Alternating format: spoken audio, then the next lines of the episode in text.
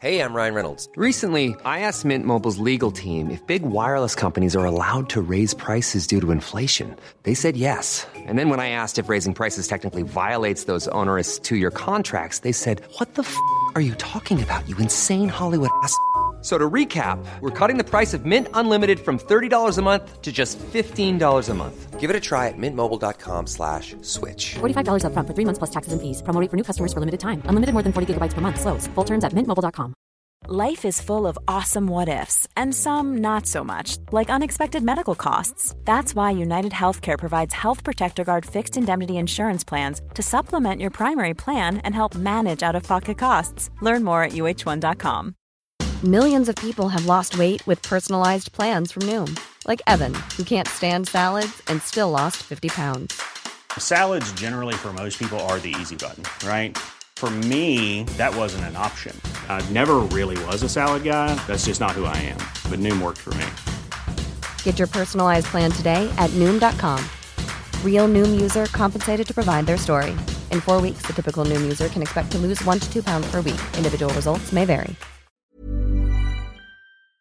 Abraham Shakespeare var en 40-årig man som hade växt upp under tuffa förhållanden i Florida och som kämpade på för att få vardagen att gå runt. Han drömde om ett bättre och tryggare liv och den här drömmen såg ut att bli verklighet i november 2006 när Abraham vann 30 miljoner dollar på Lotto. Vinsten förändrade hela hans livssituation över en natt och alla ville ha en bit av kakan. Tack vare hans givmilda personlighet så försvann pengarna snabbare än man hade kunnat tänka sig och mindre än tre år efter lottovinsten så verkade även Abraham ha försvunnit spårlöst.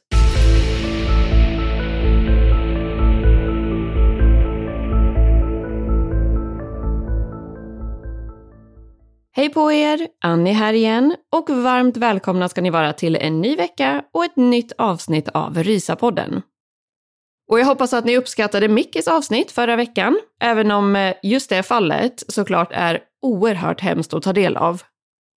Men idag så har det ju blivit dags för oss att dyka ner i ännu ett fall som den här veckan kommer att handla om mordet på lottovinnaren Abraham Shakespeare. Och väldigt många av oss drömmer ju såklart om att en vacker dag vinna på Lotto. Och kanske speciellt just nu när det är väldigt tuffa tider rent ekonomiskt. Man drömmer sig bort och tänker på vilka beslut man skulle fatta och vilka förändringar man skulle göra eller inte göra i sitt liv. Det man ofta glömmer bort i sitt dagdrömmande är ju dock att det kan finnas en del negativa saker kopplat till att vinna en större summa pengar. Och att det i vissa fall kan skapa mer problem än det faktiskt löser. Så blev det definitivt för Abraham Shakespeare. Och det ska vi alltså gå in på i detalj under dagens avsnitt. Med det sagt tycker jag att vi tar och kör igång direkt.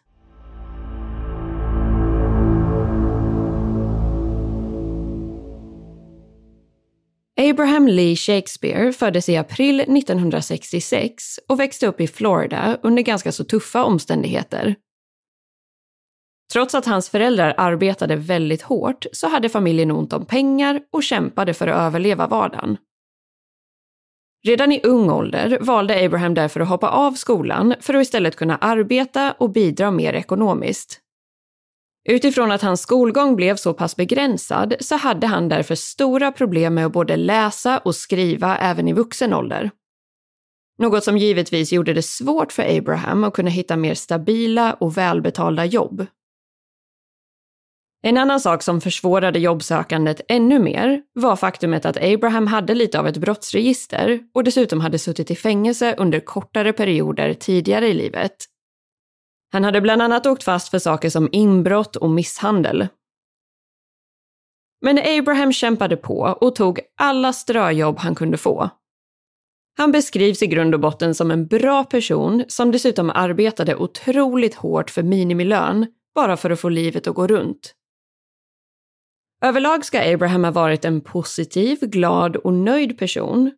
Men givetvis hade han, precis som många andra, en dröm om någonting större och en önskan om att livet kanske kunde ha mer att bjuda på.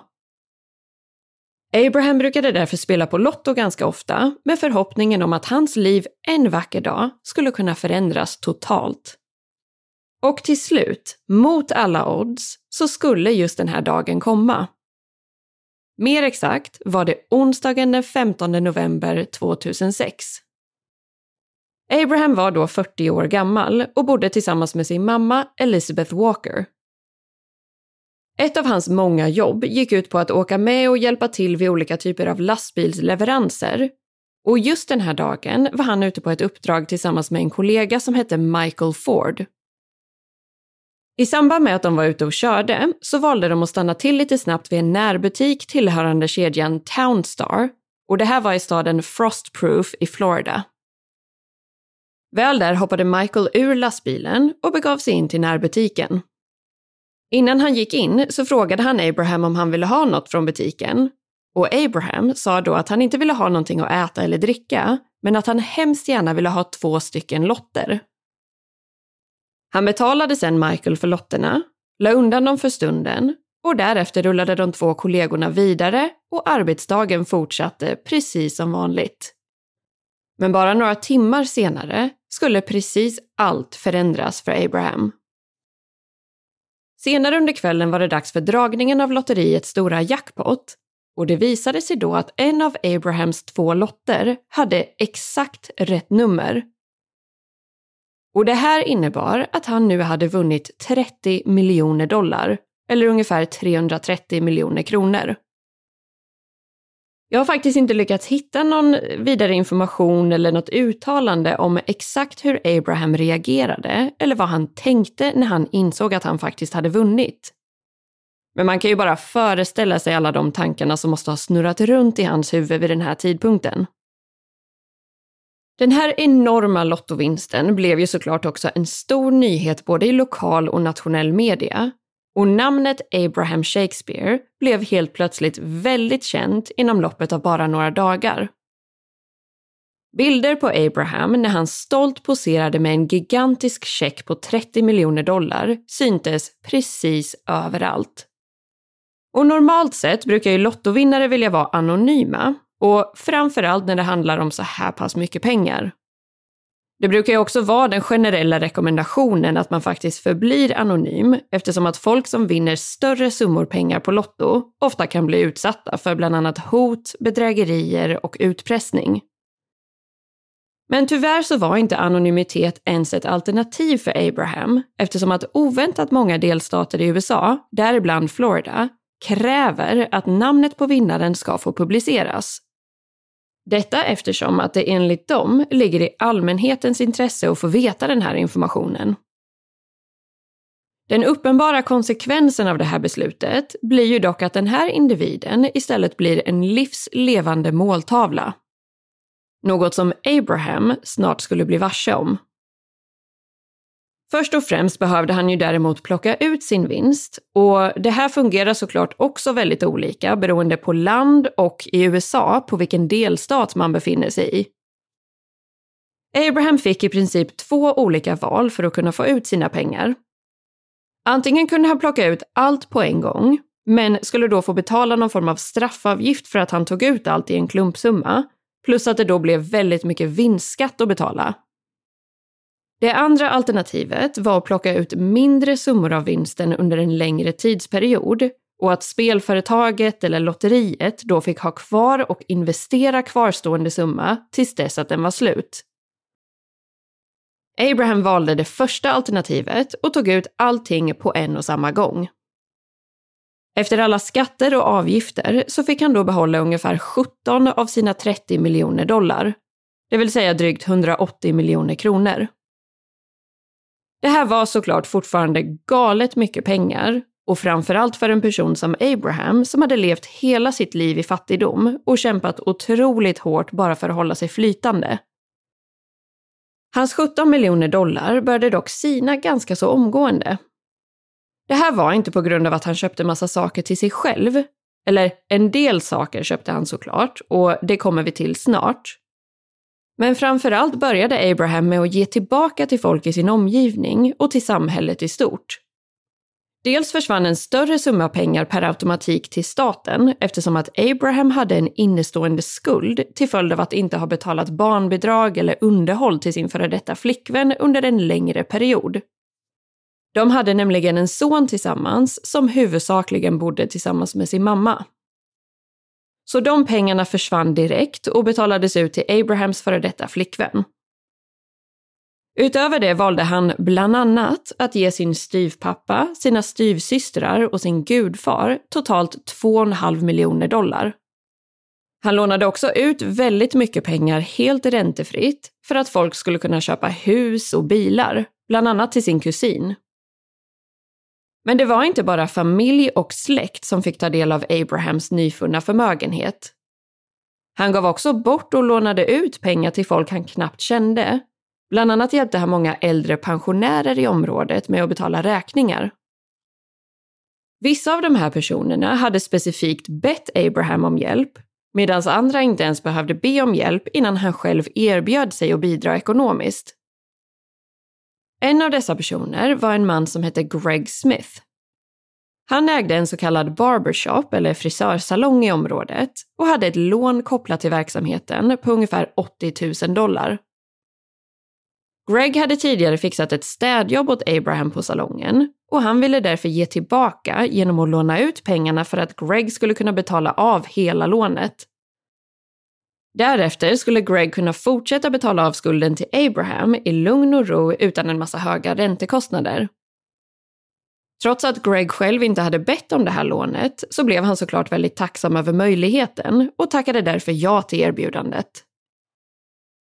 Abraham hade nu alltså gett bort en hel del av den totala vinstsumman, men givetvis fanns det fortfarande pengar kvar och han glömde inte bort sig själv helt heller. Han unnade sig bland annat nya bilar och en Rolex-klocka. Men det absolut största köpet som Abraham gjorde var ett stort hus, eller snarare ett mansion, som låg i ett inhägnat och väldigt rikt område i Lakeland, Florida och som kostade honom ungefär en miljon dollar. Han flyttade sen in i det här stora huset, men det skulle snart visa sig att han skulle vara långt ifrån ensam, trots att bostaden låg ganska så avskilt. Enligt uppgift ska det nämligen alltid ha varit folk på besök, antingen inne i huset eller samlade utanför. Bland annat personer som ville be om lån för att kunna betala sina sjukhusräkningar eller som ville att Abraham skulle investera en massa pengar i deras företag. Han har beskrivits som en person med ett stort hjärta som alltid ville hjälpa till när han kunde och det blev därför extremt svårt för honom att säga nej och att veta var gränsen gick. All den här pressen, stressen och uppmärksamheten började ganska snart bli alldeles för mycket för Abraham. I maj 2007, det vill säga ganska exakt ett halvår efter att han vann på Lotto, så gjorde han ett uttalande på TV i samband med en intervju. Abraham förklarade då att han önskade att han kunde få tillbaka sitt gamla liv igen och att han saknade att kunna gå runt på gatan som en helt vanlig person. En annan sak som också hände under våren 2007 var att en till person bestämde sig för att han minsann också ville ha en bit av kakan. Och den personen var Michael Ford. Det vill säga Abrahams kollega, som rent krast var den som egentligen hade köpt de två lotterna i november 2006, varav en av dem gjorde att Abraham vann 30 miljoner dollar. Det visade sig att de två männen hade väldigt olika utsagor kring hur saker och ting hade gått till den där dagen. Abrahams utsaga har vi ju redan tagit del av, det vill säga att han bad Michael att köpa två lotter till honom inne på närbutiken och att han ersatte Michael för kostnaden där och då på plats. Michael däremot hävdade att det var han som hade köpt lotterna och att Abraham senare hade stulit dem från hans plånbok.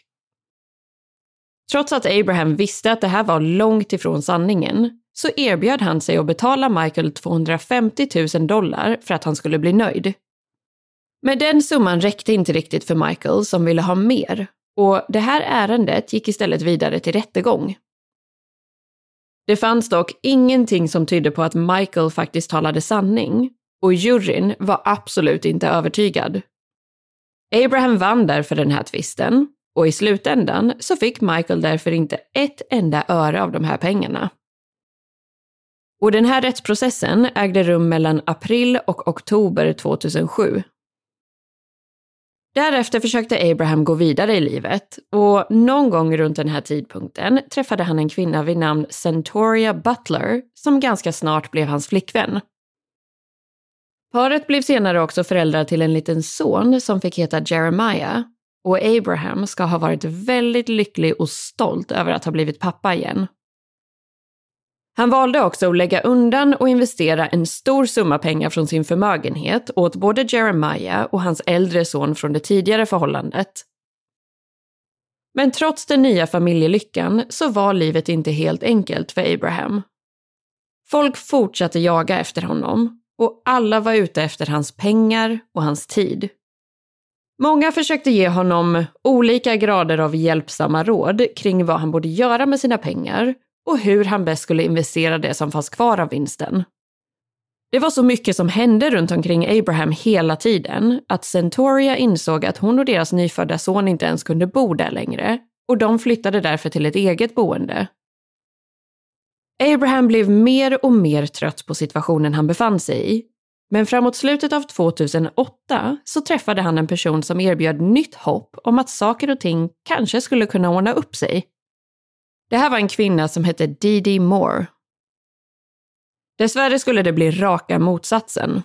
Och den här bekantskapen skulle istället leda till den värsta tänkbara situationen för Abraham.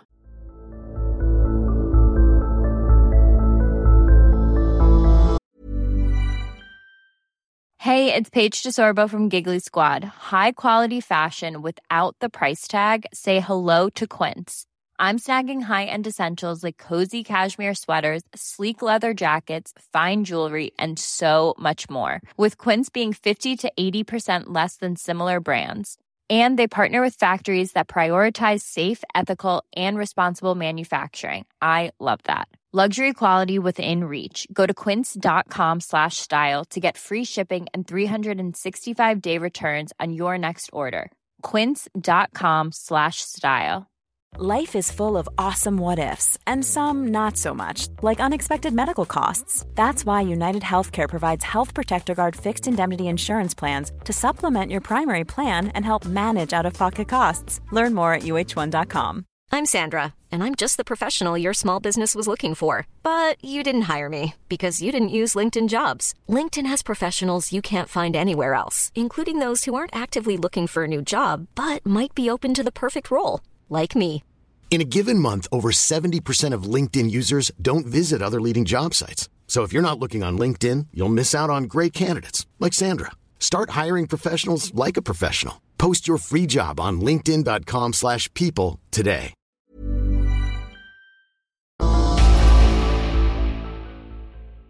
Didi Moore hette egentligen Doris Moore och var 36 år gammal. Hon kom i kontakt med Abraham Shakespeare efter att ha fått hans kontaktuppgifter av den mäklaren som hade sålt huset i Lakeland till honom, en kvinna vid namn Barbara Jackson. Didi och Barbara träffades på en konferens och Barbara ska då ha berättat om Abraham och hur han hade inspirerat henne till att ha en helt ny syn på pengar och rikedom. Att det som verkligen betydde någonting i livet var att hjälpa andra Didi snappade upp den här informationen och lyckades få Abrahams kontaktuppgifter genom att säga att hon var författare och att hon ville skriva en bok om hans inspirerande resa från fattigdom till rikedom. När hon förklarade detta för Abraham ska han också ha blivit intresserad av någon form av samarbete. Framförallt eftersom att Didi också påstod att hon hade väldigt mycket erfarenhet inom ekonomi och redovisning och att hon till och med hade skrivit en bok inom det här området. En detalj hon däremot inte nämnde var faktumet att den aldrig hade publicerats. Men Abraham var ju ganska så trött och desperat vid det här laget. Alla försökte utnyttja honom och han själv kunde ju inte ens läsa eller skriva. Så att sköta allt det administrativa kring förvaltningen av en större summa pengar var såklart väldigt utmanande för honom. Didi visade mycket empati för Abraham och var tydlig med att han inte borde låta folk utnyttja honom på det här viset och erbjöd sig att bli hans ekonomiska rådgivare. Hans pengar hade ju dessutom börjat sina en del, Så hon tog också på sig den tuffa uppgiften att börja samla in alla de pengarna som Abraham hade lånat ut till folk. Under de följande månaderna så blev Didi mer och mer inblandad i Abrahams ekonomiska affärer. Och under 2009 började ägandeskapet av fler och fler av hans tillhörigheter, inklusive hans bostad, att skrivas över till Didis egna företag, American Medical Professionals.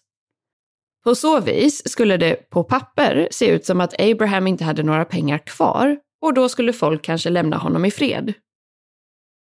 Didi köpte därefter flera lyxiga bilar och massa andra saker som hon betalade genom sitt företag.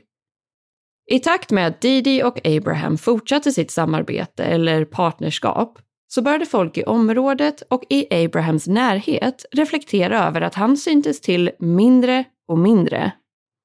Han brukade normalt synas en del ute på stan och träffa sina vänner, men nu verkade han ha dragit sig undan.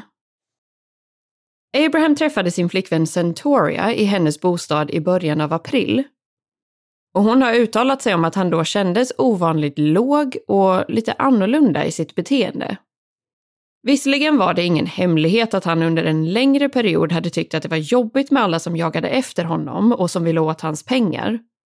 Men den här gången ska det ha varit extra tydligt att han verkade less på tillvaron helt enkelt. Det här blev dessutom sista gången som paret sågs eftersom Abraham plötsligt försvann under april månad 2009. Det var som att han bara gick upp i rök och inte ens hans mamma visste var han befann sig. Däremot höll han kontakten med nära och kära genom sms-konversationer. Något som många reagerade på eftersom att Abraham hade svårigheter med att både läsa och skriva och normalt alltid brukade ringa upp och prata i telefonen om man skickade ett sms till honom. Orden och formuleringarna som användes i de här smsen kändes inte heller som att de faktiskt kom från just Abrahams ganska begränsade ordförråd. Den enda personen som påstod sig ha regelbunden direktkontakt med Abraham under den här perioden var Didi. Hon försäkrade alla som frågade om att han hade valt att försvinna iväg och att han ville bli lämnad i fred. Didi erbjöd också flera andra, lite mer alternativa förklaringar som slängdes runt till höger och vänster bland olika personer.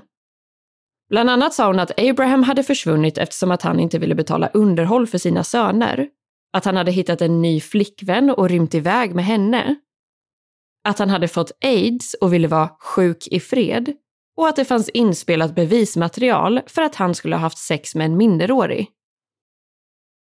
Inga av de här extrema påståendena stämde ju såklart och folk började nu bli mer och mer oroliga. Framförallt kändes det också otroligt konstigt att han skulle ha försvunnit iväg på just det här sättet med tanke på att han hade en flickvän, två söner och en mamma som han hade en väldigt nära relation med. Didi försökte också bevisa att allt var bra med Abraham genom att bland annat skicka brev hem till hans mamma Elizabeth där avsändaren påstods vara Abraham. Detta trots att han faktiskt inte kunde skriva. Och i brevet så ska det därför ha stått att en vän hade hjälpt honom att skriva texten. Men tack vare all den här påstådda kontakten från Abraham och faktumet att alla visste att han var ganska så trött på sitt liv och kanske ville bli lämnad i fred, så dröjde det ända fram till november 2009 innan han blev anmäld som försvunnen hos polisen. Och det som gjorde anmälan var hans kusin Cedric Edom. Senaste gången Abraham sågs till var alltså i april 2009. Redan från början av utredningen hade polisen starka misstankar om att Abraham troligtvis hade råkat ut för någon form av brott. Det kändes ju nämligen lite väl suspekt att en person skulle vinna 30 miljoner dollar på Lotto för att sen försvinna spårlöst. Polisen började därför undersöka vilka personer i Abrahams omgivning som skulle kunna ha ett starkt nog motiv för att kunna ligga bakom hans försvinnande. Bland annat utreddes lastbilschauffören Michael Ford som förlorade i rätten mot Abraham och därmed gick miste om pengarna som han själv ansåg att han hade rätt till. Michael kunde dock ganska direkt uteslutas eftersom han kunde bevisa att han inte ens hade befunnit sig i Florida under den aktuella perioden. Man kikade också på flera andra personer i Abrahams närhet och framförallt de som var skyldiga honom större summor pengar. Bland annat Greg Smith som drev en barbershop och som hade lånat ungefär 80 000 dollar av Abraham. Utöver det så pratade polisen med hans kusin Cedric Edom som faktiskt var den som anmälde Abraham som försvunnen. Han var nämligen också skyldig honom en hel del pengar. Han hade ett tidigare brottsregister och ska ibland ha betett sig på ett sätt som ansågs vara lite suspekt. Men det fanns helt enkelt ingenting som tydde på att någon av de här personerna skulle ha varit inblandade i Abrahams försvinnande. Parallellt med polisens utredning så pågick en livlig debatt om försvinnandet online och framförallt inne på ett diskussionsforum inom true crime som heter Websleuths och som många av er kanske har hört talas om tidigare. Faktumet att man nu inte kunde hitta Abraham blev ju såklart en stor nyhet i media och det började spekuleras mycket kring vad som kunde ha hänt. Men många av personerna inne på Websleuths spekulerade faktiskt inte bara, utan de grävde ner sig i alla möjliga offentliga dokument, sociala medier och all information som gick att få tag på. Och det dröjde såklart inte länge innan både polisen och personerna på Websleuths insåg att D.D. Moore borde vara av stort intresse för utredningen. Detta eftersom att man nu insåg att hennes företag nu ägde eller hade tillgång till större delen av Abrahams ekonomiska tillgångar. Utöver det så verkade det enligt hennes sociala medier som att hon själv nu bodde i Abrahams lyxvilla. Något hon heller inte var särskilt diskret eller ödmjuk kring, utan det delades bilder utan större eftertanke där hon stolt poserade runt om i bostaden. Polisen tog därför in Didi på ett förhör och hon ska då ha varit väldigt hjälpsam och visade mer än gärna upp diverse olika dokument för att bevisa hur det låg till med den ekonomiska aspekten av hennes och Abrahams partnerskap. Hon ska också ha uttryckt att hon inte alls förstod varför han var anmäld som försvunnen eftersom han ville försvinna. Didi förklarade att hon regelbundet pratade med Abraham men att han ville vara i fred och att hon bara försökte hjälpa honom att hålla sig undan. Vid något tillfälle ska hon också ha delat med sig av en inspelad video till polisen från den 6 april 2009 där man kan höra Didi ställa olika frågor till Abraham. Man kan då se hur han eh, ganska så oengagerat svarar på hennes frågor och om man ska utgå ifrån hans kroppsspråk så känns det ganska tydligt att han inte hade så mycket intresse alls av att vara med på den här filmen. Han står nämligen med ryggen lite halvt vänd mot Didi och kollar på TV och vid ett tillfälle viftar han med handen mot kameran som om han vill säga att hon ska stänga av den. Men i den här videon så frågar Didi bland annat om han är trött på att folk ber honom om pengar hela tiden och om han skulle vilja resa iväg för att börja leva sitt liv på riktigt. Abraham säger då att han är väldigt trött och att folk inte accepterar ett nej. Didi frågar sen vart han skulle vilja åka och han säger då att det inte spelar någon roll och att han inte är så kräsen av sig. Hon undrar också om han kommer sakna sitt hem och Abraham svarar då att han skulle sakna det, men att livet går vidare. Och själva tanken med den här filmen var troligtvis att Didi skulle ha någon form av bevis på att Abraham faktiskt hade planer på att försvinna iväg. Men ju mer polisen analyserade videon, desto mer började de misstänka att det nog snarare var så att Didi hade filmat detta just för att kunna ha ryggen fri när han sen försvann. Det visade sig också att hon inte var så ordningsam och hade så bra koll på ekonomi som hon själv gärna målade upp. Didi hade nämligen en enorm skatteskuld och hade tidigare ansökt om konkurs. Hon hade också åkt fast för försäkringsbedrägeri redan år 2001. Detta eftersom hon hade ljugit och hittat på en historia om att hon hade blivit påhoppad och rånad av några okända män. Så med andra ord fanns det svart på vitt att Didi inte drog sig för att ljuga om allvarliga händelser i syfte att tjäna pengar. Diskussionerna fortsatte inne på Websluts och till slut så råkade polisen hitta in till den sidan som handlade om just Abrahams fall. De ska då ha blivit förvånade över mängden och typen av information som de här helt vanliga personerna hade lyckats komma över och till slut började polisen samarbeta med admin och ägaren för forumet, en kvinna vid namn Trisha Griffith. Och den här typen av samarbete är såklart ganska så ovanligt eftersom att rättsväsendet kanske inte brukar eller bör ta hänsyn till allt som skrivs online om olika fall. Men när det kommer till just Abrahams försvinnande så har polisen själva i efterhand gått ut och sagt att informationen som kom från WebSleuths faktiskt var otroligt hjälpsam för deras utredning. Polisen lyckades också till slut få fram all samtals och meddelandehistorik från både Didi och Abrahams telefoner. Det de då insåg var att efter den 6 april 2009, det vill säga samma dag som videon på Abraham spelades in, så pingade bådas telefoner hela tiden vid samma master. Vilket alltså innebär att de antingen var tillsammans konstant, eller att Didi hade Abrahams telefon på sig och att alla de här smsen som hade skickats runt till hans nära och kära under hans frånvaro faktiskt kom från henne.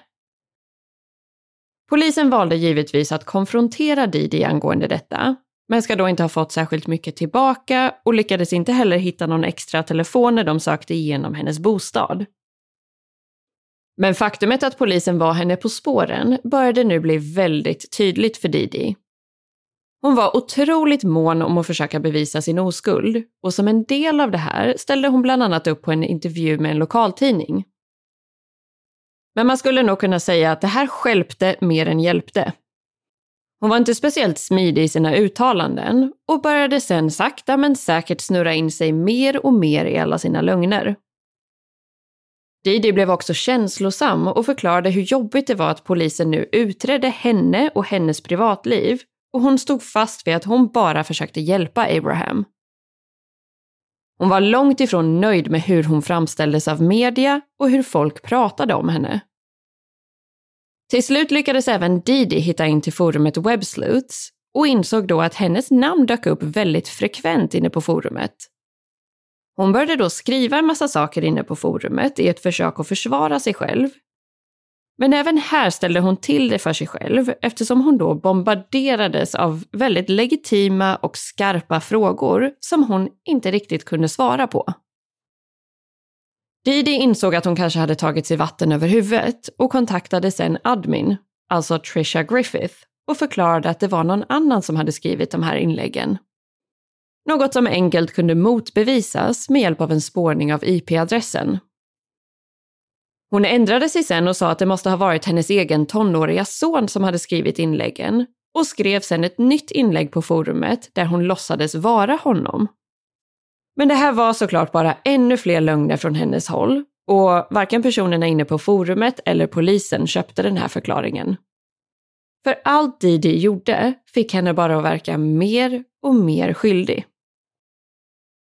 Så nu behövde man bara ett effektivt sätt för att kunna bevisa att så var fallet.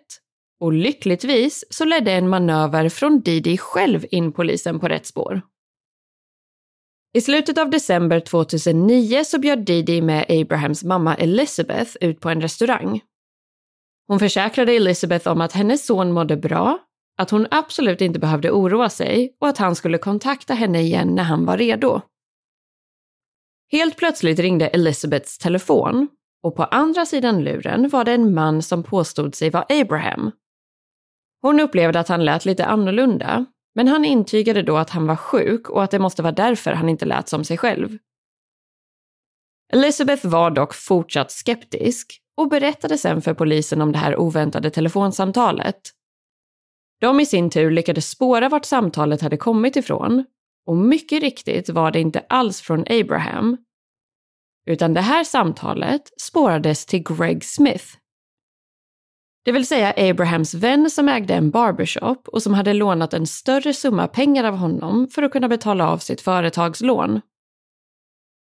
När polisen sen pratade med Greg om hans inblandning så förklarade han att han inte alls kände Didi utan att hon bara hade betalat honom för att ringa och låtsas vara Abraham i syfte att lugna ner Elizabeth.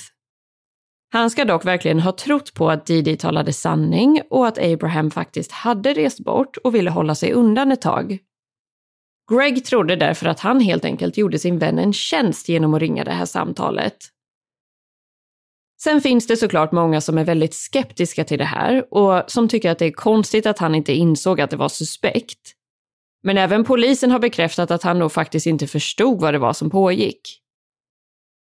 Greg var också väldigt samarbetsvillig och när han väl blev informerad om de misstankarna som fanns gentemot Didi så gick han med på att arbeta för polisen under täckmantel i syfte att samla in bevis. Sakta men säkert började Greg sen bearbeta Didi och vinna hennes tillit. Han fick henne att tro att de var vänner, att han var på hennes sida och att han gärna ville hjälpa henne. Didi berättade bland annat att hon kände sig överväldigad av allt som hände och att hon inte visste vad hon skulle göra för att polisen skulle låta henne vara i fred. Varje gång de träffades så ska Greg ha haft med sig en gömd liten mikrofon som han lurigt nog hade lagt in i en burk med energidrycken Red Bull som han normalt alltid brukade dricka och ha med sig i bilen. Till slut började Didi öppna upp sig allt mer för Greg och vid ett tillfälle berättade hon att Abraham inte alls hade försvunnit frivilligt. Mer exakt förklarade hon att han hade blivit rånad och mördad av en droglangare som hette Ronald i samband med en drogaffär. Den här Ronald ska också ha dödshotat Didis son och hon hade därför hjälpt honom med att gömma undan Abrahams kropp. Greg ska då ha låtsats bli väldigt förvånad och samtidigt sagt att det här lät ju helt fruktansvärt och givetvis skulle han hjälpa henne att komma undan. Och i samråd med polisen så gick han sen in i nästa del av planen.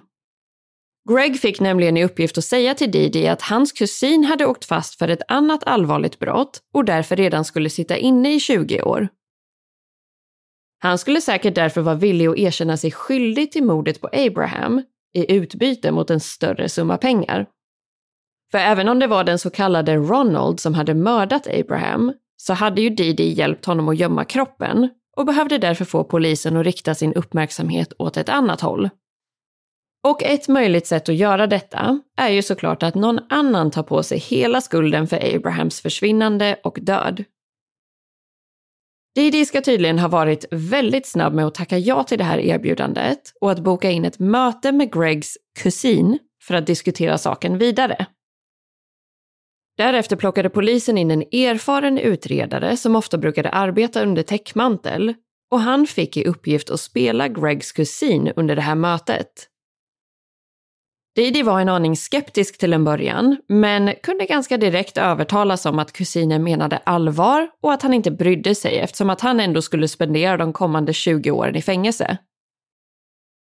De kom överens om summan som skulle betalas och kusinen förklarade också att han behövde veta var kroppen fanns om han skulle erkänna för polisen.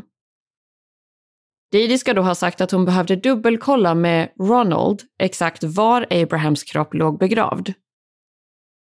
Kort därefter begav sig Greg och Didi till platsen i fråga och det var då vid en fastighet i området Plant City i Florida. En fastighet som ägdes av Didi, men precis som mycket annat hade köpts med hjälp av Abrahams pengar. Väl på plats så visade Didi exakt var kroppen låg begravd och att det var där kusinen behövde gräva för att hitta Abraham. Och i vanlig ordning så spelades även det här samtalet in av Greg och skickades direkt till polisen. Redan dagen efter, i slutet av januari 2010, så togs det allra första spadtaget ute på marken som tillhörde fastigheten. Däremot var det ju då inte av Gregs så kallade kusin, utan av polisens utredare som hade med sig ett enormt team av personer för att påbörja grävandet. Dessvärre fanns inte kroppen exakt där Didi hade beskrivit, men efter ännu en dag av grävande så hittade man till slut ett skelett som låg begravt ett par meter ner i marken och under ett stort cementblock. Kort därefter kunde man också bekräfta att det var kvarlevorna av Abraham Shakespeare som man nu hade hittat. Det visade sig också att kläderna som han hade begravts i var exakt de kläderna som han hade på sig i den videon som spelades in av Didi den 6 april 2009. Videon där hon frågar ut honom om hur han mådde och om han skulle sakna sitt hem om han reste iväg någonstans. Så troligtvis fångade den här videon hans allra sista stund i livet. Man kunde senare också bekräfta att det var Didi Moores ex-make som hade hjälpt till att gräva hålet på fastigheten och att han hade gjort detta i april 2009. Han ska däremot inte alls ha förstått att det här var själva syftet med hålet. Didi ska sedan ha anlitat en firma för att placera cementblocket över hålet och förklarat att det behövde göras eftersom att hon ville parkera tunga fordon på just den platsen. Abraham hade skjutits ihjäl med två skott i bröstet och pistolen som hade använts var registrerad på Didi Moore. Den hade legat i ett kassaskåp inne i bostaden där Abraham hittades. Enligt flera källor så ska Didi till och med ha gett den här pistolen till Greg Smith i samband med att hon visade var kroppen låg begravd och sagt att det var mordvapnet. Utöver det hade polisen flera andra typer av bevisföring. Bland annat hittades spår av Abrahams blod inne i bostaden och både Didi och Abrahams telefoner kunde spåras till fastigheten i Plant City vid tillfället då mordet ska ha ägt rum. Trots allt detta så höll sig Didi till sin utsaga om att hon själv inte hade mördat Abraham, utan att det var den här mystiska Ronald som hade gjort det. Man insåg dock ganska direkt att det inte verkade finnas någon Ronald och helt plötsligt så kunde inte Didi längre få tag i honom. Vilket såklart är lite intressant eftersom att det inte var något problem att få tag på honom när hon skulle dubbelkolla vart kroppen låg begravd.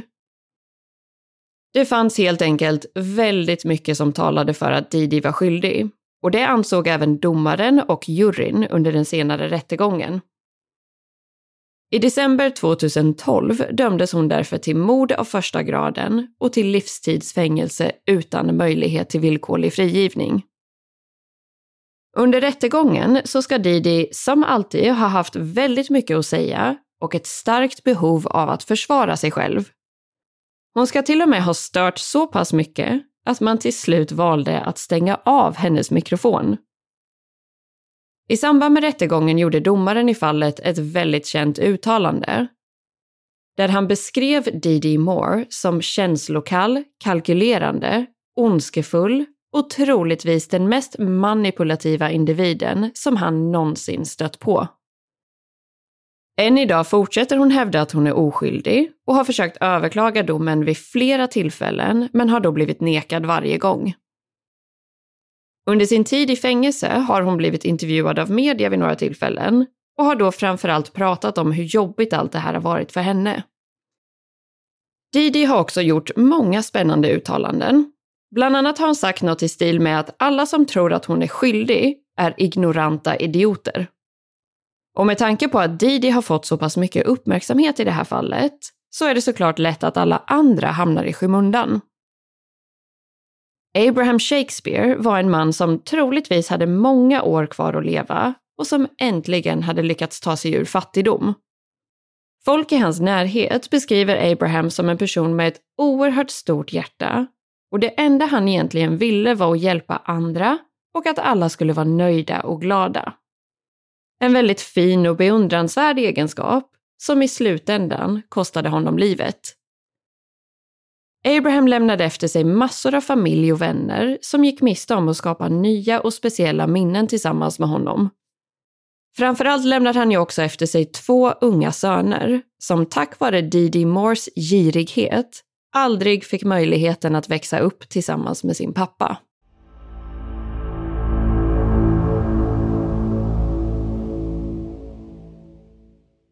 Ja, här kan man ju verkligen säga att tillvaron gick från obeskrivlig lycka till en total mardröm. Och allt det här skulle ju eventuellt ha kunnat undvikas. Hej, jag Daniel, founder of Pretty Litter. Cats and cat owners deserve better than any old-fashioned litter. That's why I teamed up with scientists and veterinarians to create Pretty Litter. Its innovative crystal formula has superior odor control and weighs up to 80% less than clay litter. Pretty Litter even monitors health by changing colors to help detect early signs of potential illness. It's the world's smartest kitty litter. Go to prettylitter.com and use code ACAST for 20% off your first order and a free cat toy. Terms and conditions apply. See site for details. om Abraham bara hade kunnat skydda sitt namn och sin identitet efter att han vann de här pengarna. För i många länder, inklusive Sverige, så är det ju såklart en självklarhet att man som lottovinnare och speciellt storvinnare ska få välja själv om man vill gå ut med sitt namn i media eller inte. Och jag läste någonstans att det faktiskt råder lite diskussioner om hur man ska göra med den här frågan i Florida. Men det verkar då främst vara aktuellt att spelföretaget ska vänta ett antal månader innan namnet publiceras för att man ska hinna få lite ordning på sin ekonomi. Men det verkar inte vara aktuellt att helt och hållet låta bli att publicera namnet. Så ehm, ja, det är ju lite synd att man inte kunde se det här fallet som en varning och inse vilken fara man faktiskt utsätter vinnare för genom att röja deras identitet. Men eh, innan vi tar och rundar av här så ska jag också bara passa på att tipsa om en väldigt bra dokumentär om det här fallet. Där det framförallt är väldigt mycket fokus på Websleuths och deras lilla utredning och eh, där bland annat ägaren till sajten Trisha Griffith och andra medlemmar intervjuas.